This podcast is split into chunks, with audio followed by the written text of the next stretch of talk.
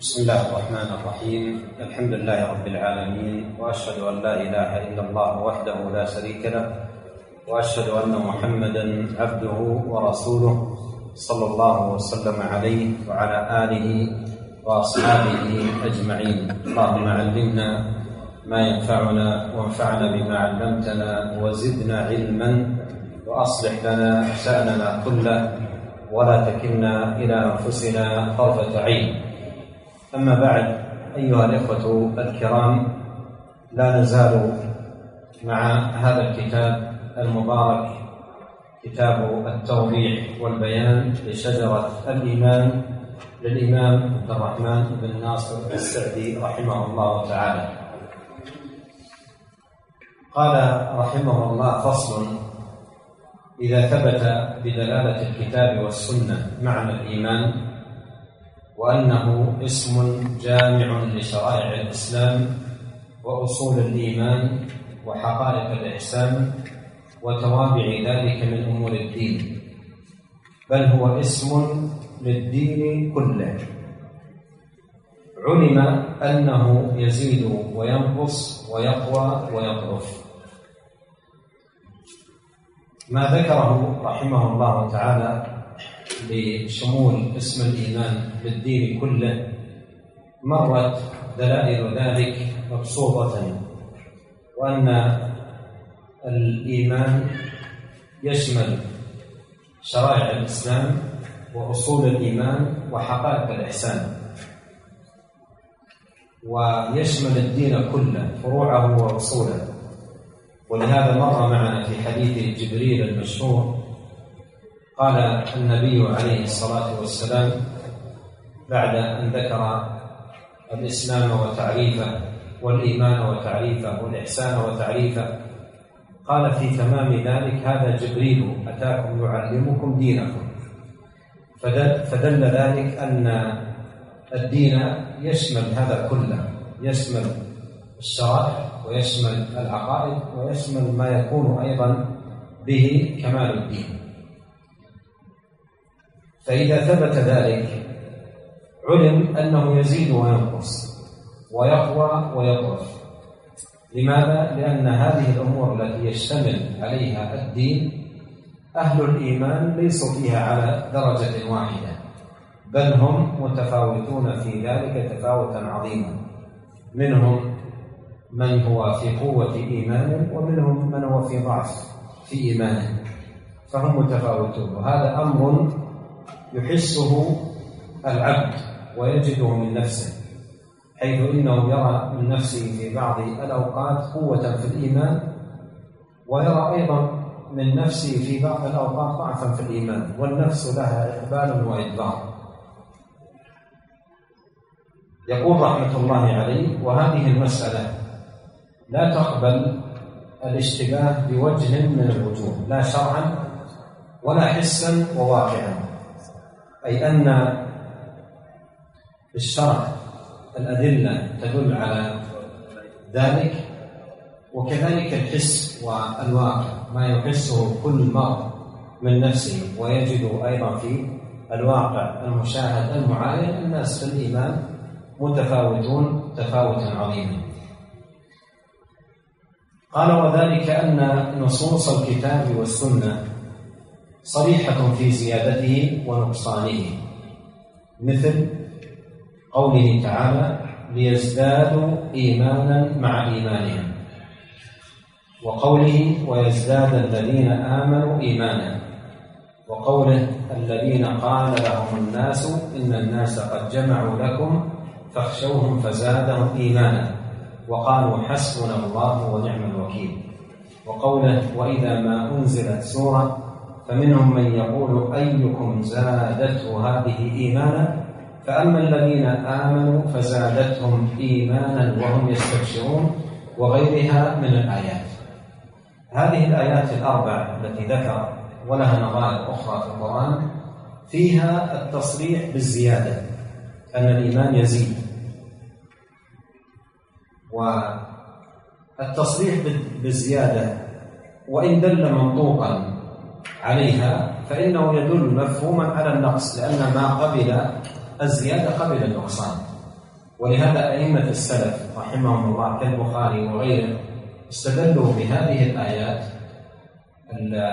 المصرحة بزيادة الإيمان استدلوا بها على الزيادة والنقصان معا لأن الذي يقبل الزيادة يقبل النقص. والزيادة إنما تكون عن نقص. ومع ذلك فإن السنة جاءت مصرحة بالنقصان. السنة جاءت مصرحة بالنقصان. مثل قول النبي عليه الصلاة والسلام المؤمن القوي خير من المؤمن الضعيف. ومثل قوله عليه الصلاة والسلام وذلك أضعف الإيمان. ومثل قوله عليه الصلاة والسلام ما رأيت من ناقصات عقل ودين؟ فنص على نقصان الدين وضعفه فالحاصل أن آه، نصوص الكتاب والسنة جاءت مصرحة بأن الإيمان يزيد وينقص ويقوى ويضعف وأن أهله ليسوا فيه سواء ليسوا على رتبة واحدة. قد مر معنا قول الله سبحانه وتعالى ثم أورثنا الكتاب الذين اصطفينا من عبادنا فمنهم ظالم لنفسه ومنهم مقتصد ومنهم سابق بالخيرات. فهم على درجات وعلى مراتب وذلك بحسب قوة إيمانهم وحظهم ونصيبهم منه. قال وكذلك الحس والواقع يشهد بذلك. من جميع وجوه الإيمان. الحس والواقع يشهد بذلك من جميع وجوه الإيمان. فإن الناس هذه الوجوه فإن الناس في علوم الإيمان وفي معارفه وفي أخلاقه وأعماله الظاهرة والباطنة متفاوتون تفاوتا عظيما. في القوة والكثرة ووجود الآثار ووجود الموانع وغير ذلك. هذا الشاهد على أن الإيمان يزيد وينقص من الحس والواقع. وأن أهل الإيمان يتفاوتون في الإيمان من وجوه الإيمان. إن جئت إلى مستواهم في معرفة الإيمان متفاوتون. إن جئت في مستواهم في آه، أخلاق الإيمان وآدابه فإنهم متفاوتون. إن جئت في العبادات ليسوا فيها على درجة واحدة. حتى العبادة الواحدة الصلاة. تجد المصلين ليسوا في صلاتهم على درجة واحدة. منهم من ليس له من صلاته إلا نصفها إلا ربعها إلا عشرها كما جاء في الحديث. فهم متفاوتون في صلاتهم تفاوتا عظيما. وهكذا التفاوت في الصيام. ليس من صام ليس من صام من الفجر. إلى غروب الشمس ممسكين عن المفطرات على درجة واحدة في صيامهم بل متفاوتون تفاوتا عظيما.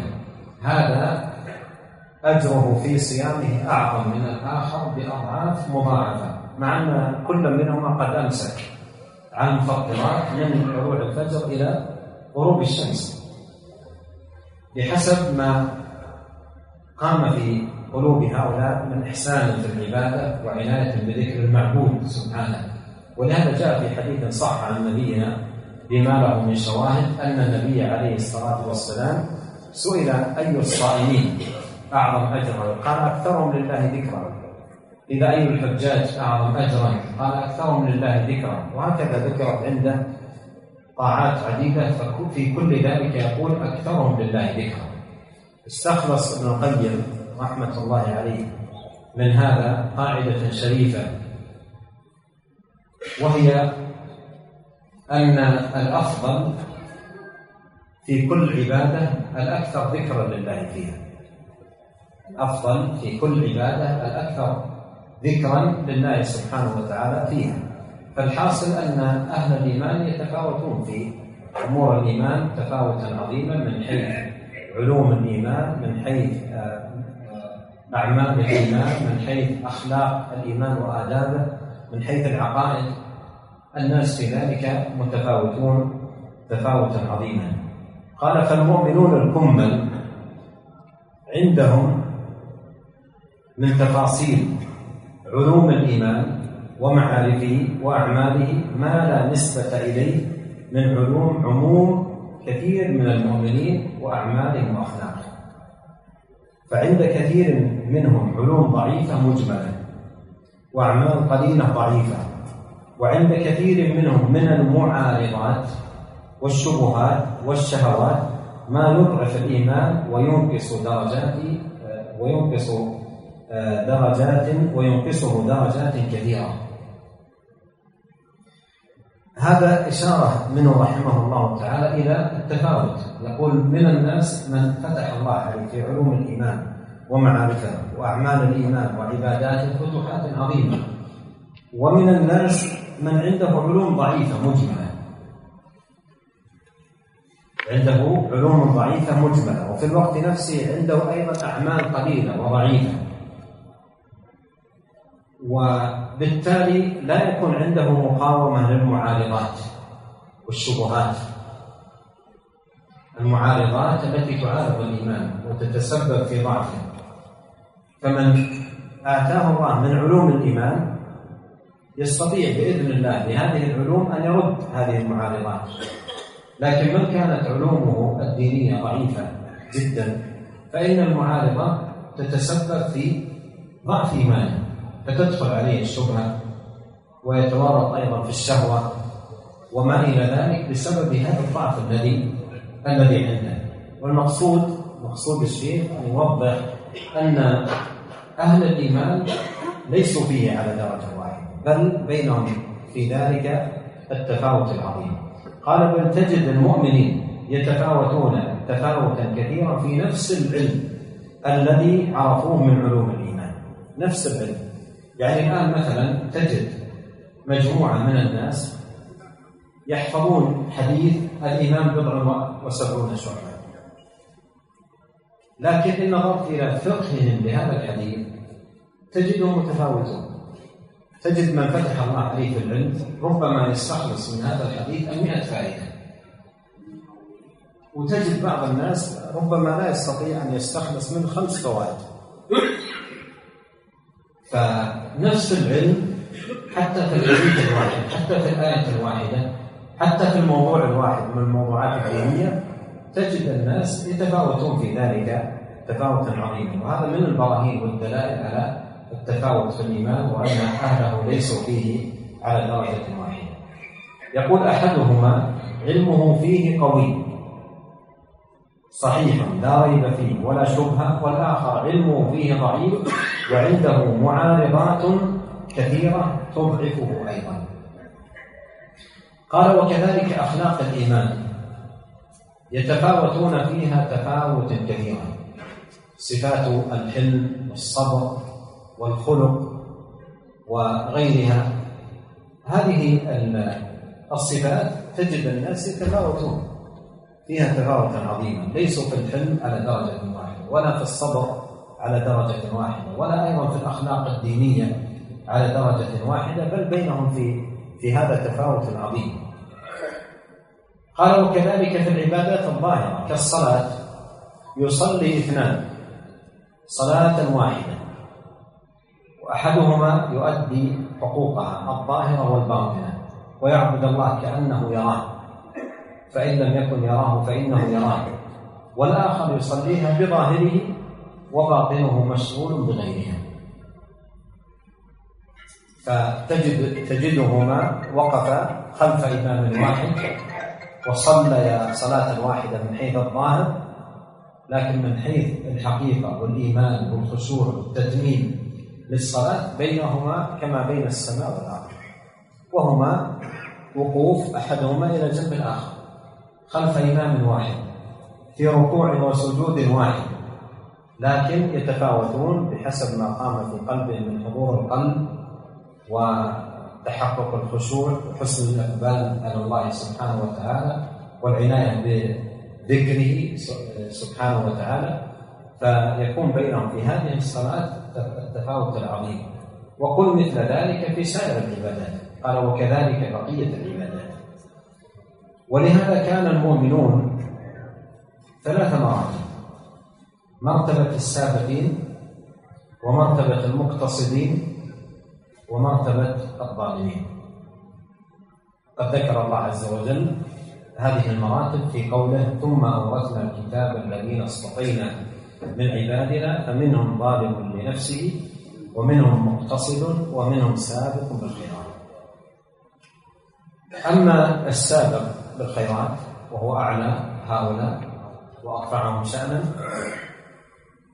فهو من جاء بالواجبات وتجنب المحرمات وزاد على ذلك منافسة في الرغائب والمستحبات. وأما المقتصد فإنه المقتصر على الواجبات وترك المحرمات. ليس عنده نشاط في باب المستحبات والرغائب. لكنه مقتصر على الواجبات والبعد عن المحرمات. قال أهل العلم ومنهم شيخ الإسلام بن تيمية رحمه الله في كتابه الإيمان كل من المقتصد والسابق بالخيرات يدخل يوم القيامة الجنة بدون حساب ولا عذاب. كل منهم يدخل الجنة يوم القيامة بدون حساب ولا عذاب. لأن المقتصد فعل الواجب وترك المحرم. يعني لم يحصل منه ما يوجب العقوبة. أدى الواجب وتجنب المحرم لكن السابق بالخيرات زاد عليه. في المسابقة في الخيرات والرغائب والسنن. فكل منهما يدخل الجنة دخولا أوليا بدون حساب ولا عذاب لكن يتفاوتون في الدرجات في الجنة. ليست درجة السابق في الخيرات في الجنة مثل درجة المقتصد. ولكل درجات مما عملوا وليوفيهم أعمالهم. أما الظالم لنفسه فإنه من ظلم نفسه بالذنوب والمعاصي والموبقات ولقي الله بها غير تائب. فهذا عرضة لعقوبة الله وسخطه لأن المعاصي التي دون الكفر توجب العقوبة. توجب العقوبة توجب سخط الله سبحانه وتعالى. قال وكل واحد من هذه المراتب أيضا اللي هي آه، السابق والمقتصد والظالم كل واحد من هذه المراتب أيضا أهلها متفاوتون تفاوتا كثيرا. إن جئت إلى درجة السابقين فإن السابقين ليسوا على درجة واحدة في هذا الرتبة إن جئت إلى درجة المقتصدين فإن المقتصدين أيضا ليسوا على درجة واحدة في هذه الرتبة إن جئت للظالمين بأنفسهم أيضا يتفاوتون تفاوتا عظيما في الظلم الذي يترتب عليه العقوبة.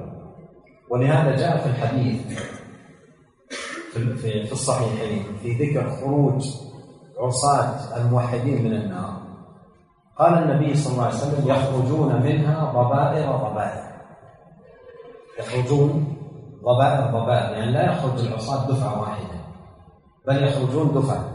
أفواج ضبائر ضبائر أي مجموعات مجموعة ثم أخرى ثم أخرى. ما السبب؟ لأن ظلمهم لأنفسهم بالمعاصي متفاوت. فالأقل معاصي يخرج قبل الأكثر والأكثر قبل الأكثر منه. فخروجهم كما قال عليه الصلاة يخرجون قال ضبائر ضبائر أي دفعات دفعات. وهذا لأن مثل ما ذكر الشيخ هنا رحمه الله أنهم متفاوتون. حتى الظالم الظالمون لأنفسهم متفاوتون أيضا في ظلمهم لأنفسهم بالمعاصي والذنوب قال والعبد المؤمن في نفسه انظر هذه الفائدة التي يجدها كل مرء في نفسه دليلا على أن الإيمان يزيد وينقص. قال والعبد في نفسه العبد المؤمن في نفسه له أحوال وأوقات تكون أعماله كثيرة قوية وأحيانا بالعكس. وأحيانا بالعكس. يعني انظر إلى نفسك إذا أكرمك الله سبحانه وتعالى بحضور مجلس ذكر.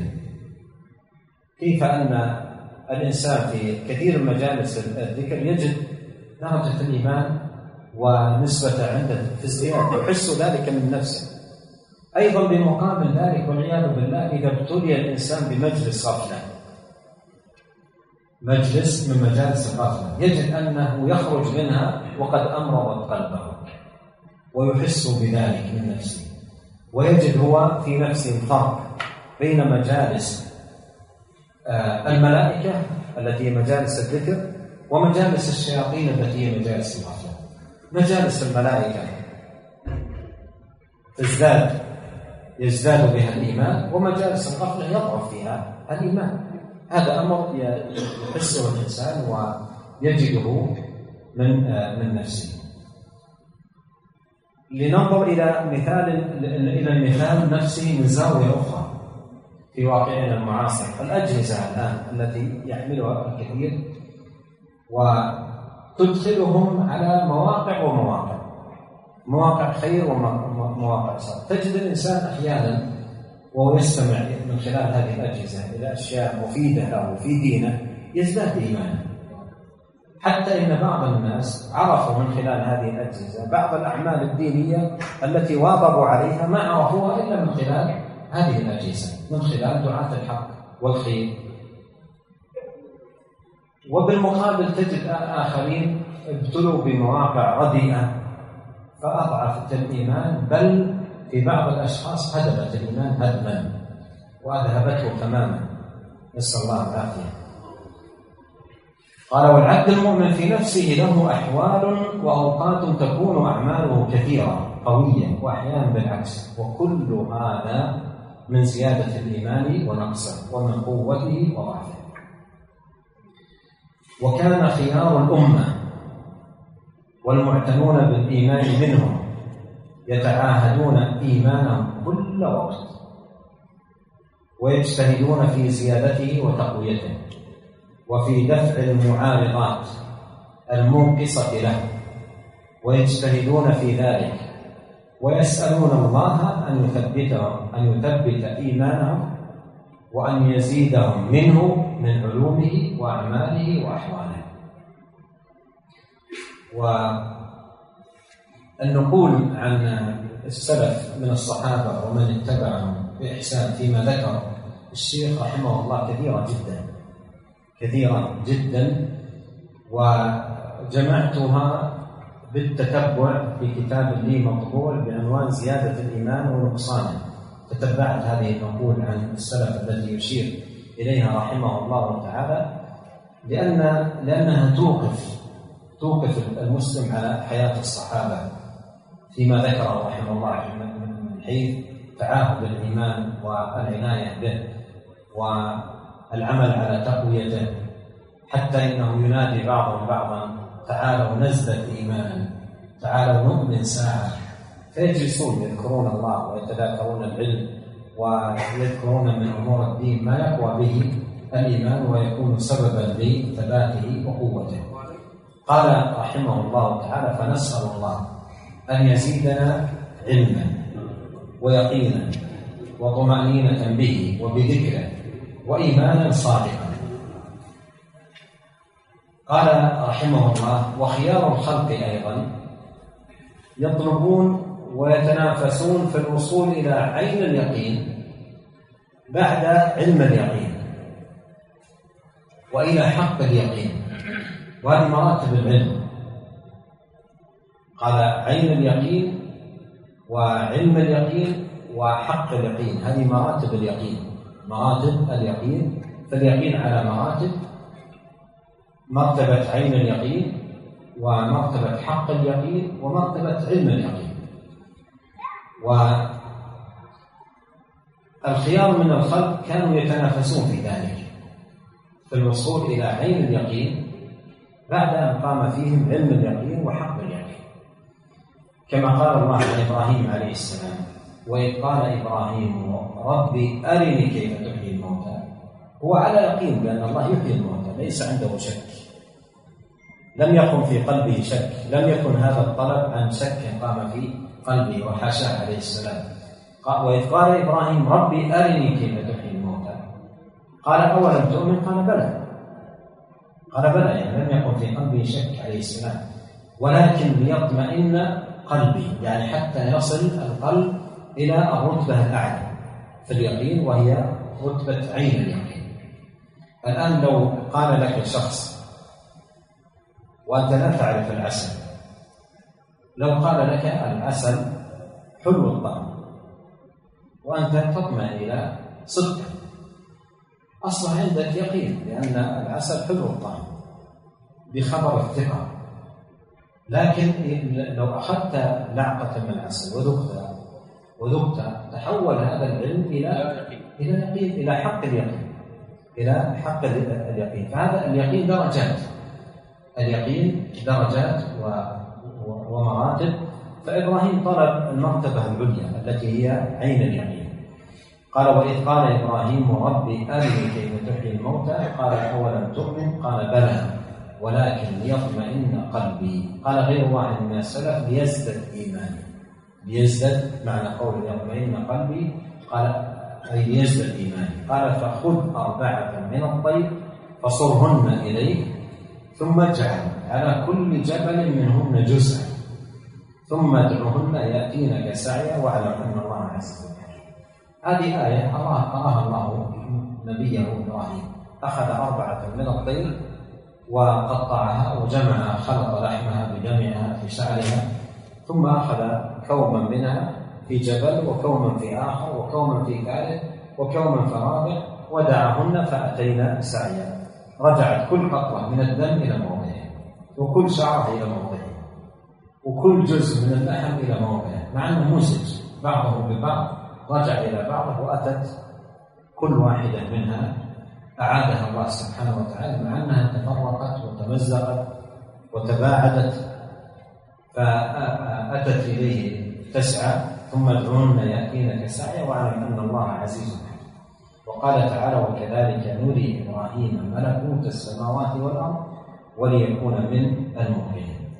والحواريون خواص أتباع المسيح ابن مريم حين طلبوا نزول المائدة ووعظهم عيسى عن هذا الطلب قالوا نريد أن نأكل منها وتطمئن قلوبنا ونعلم أن قد صدقتنا ونكون عليها من الشاهدين.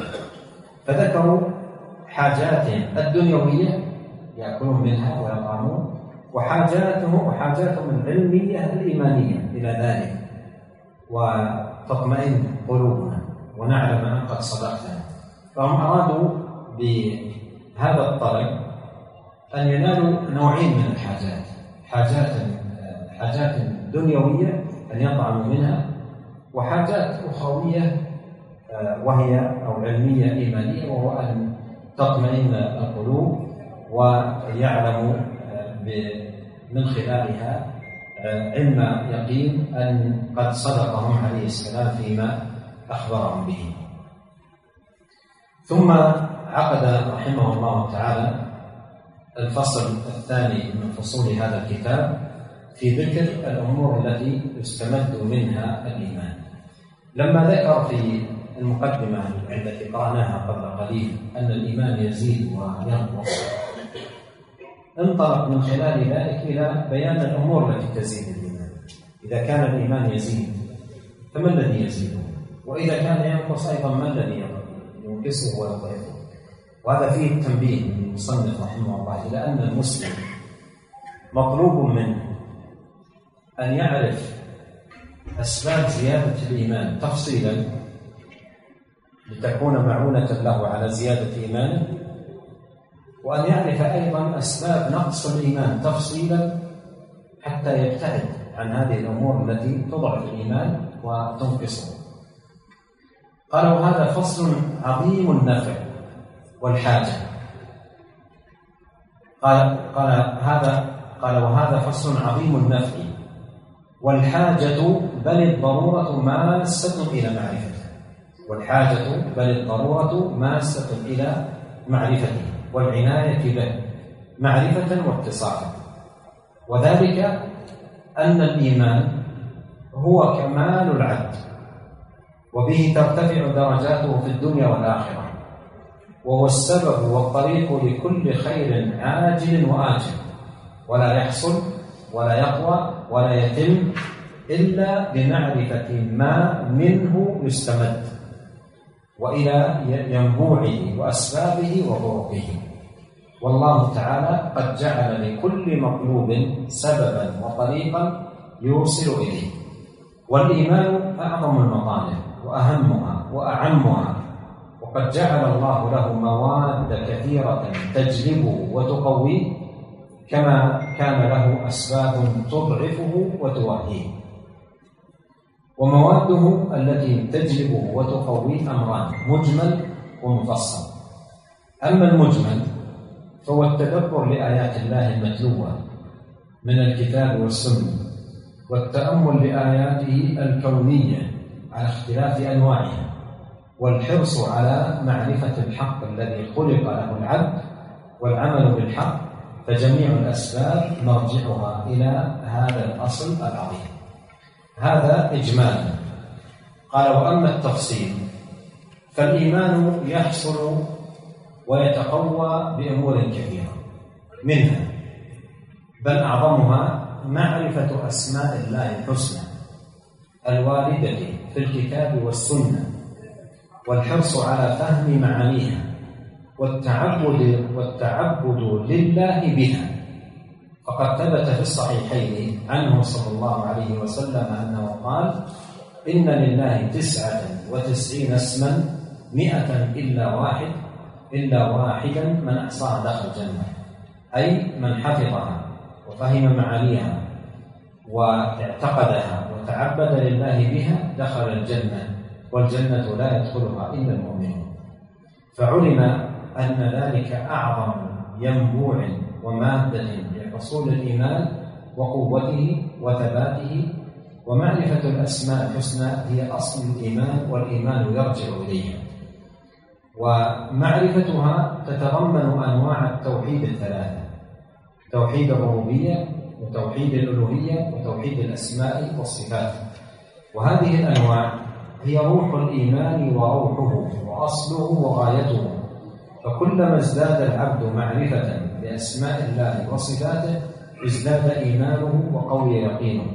فينبغي للمؤمن أن يبذل مقدوره ومستطاعه في معرفة الأسماء والصفات وتكون معرفته سالمة من داء التعظيم ومن داء التمثيل اللذين ابتلي بهما كثير من أهل البدع المخالفة لما جاء به الرسول بل تكون المعرفة متلقاة من الكتاب والسنة وما روي عن الصحابة والتابعين لهم بإحسان. فهذه المعرفة النافعة التي لا يزال صاحبها في زيادة في زيادة في إيمانه وقوة يقينه وطمأنينة في أحواله.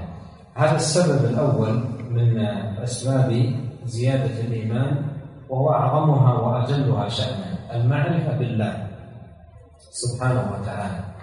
فإن هذه المعرفة هي في الحقيقة ركيزة الإيمان ودعامته وأساسه الذي عليه يقوم. فإن العبد كلما ازداد معرفة بالله سبحانه وتعالى وبأسمائه الحسنى وصفاته العظيمة ازداد حبا له. وازداد أيضا بعدا عن معاصيه وازداد أيضا إقبالا على طاعته. فإن العبد كلما كان بالله أعظم كان منه أخوف ولعبادته أطلب وعن معصيته أبعد. كما قال الله سبحانه وتعالى إنما يخشى الله من عباده العلماء ولهذا يحتاج العبد حاجة ماسة إلى أن يعرف ربه سبحانه وتعالى أن يعرف معبوده أن يعرف إلهه وخالقه. وهذا من الركائز التي تقوم عليها دعوة الرسل. الرسل تقوم دعوتهم على ثلاث ركائز. الأولى التعريف بالمعبود والثانية التعريف بالطريق الموصل إليه والثالثة التعريف بما أعده لمن سلك هذا من ثواب وما أعده لمن تركه من عقاب هذه الثلاث ترتكز عليها دعوة المرسلين فمن هذه الركائز التعريف بالمعبود من هو الله؟ ولهذا جاءت النصوص الكثيرة في التعريف بالله سبحانه وتعالى. آية الكرسي وحدها. فيها خمسة أسماء حسنى لله وفيها أكثر من عشرين صفة من صفاته سبحانه وتعالى. وهكذا في صور كثيرة وآيات كثيرة في القرآن ليس فيها إلا التعريف بالله أخلصت للتعريف بالله سبحانه وتعالى. سورة الإخلاص ليس فيها إلا تعريف بالله وهي تعدل ثلث القرآن. هذا يبين لنا أن معرفة الله سبحانه وتعالى من أهم المطالب وأجل المقاصد لأنها أساسا يبنى عليه دين الله سبحانه وتعالى. ولهذا العبد يحتاج إلى أن يزداد معرفة بربه وخالقه سبحانه وتعالى حتى تكون هذه المعرفة سببا لحسن الإقبال على الله عز وجل.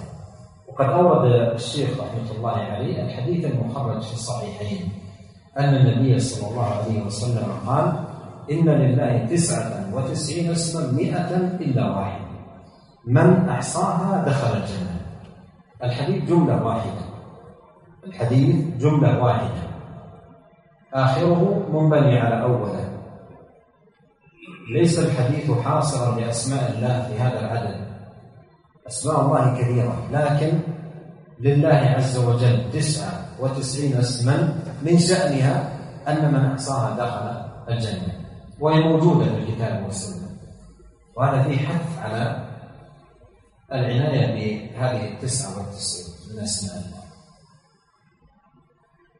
وقولة في الحديث من أحصاها؟ يشمل أمورا ثلاثة ذكرها العلماء رحمهم الله.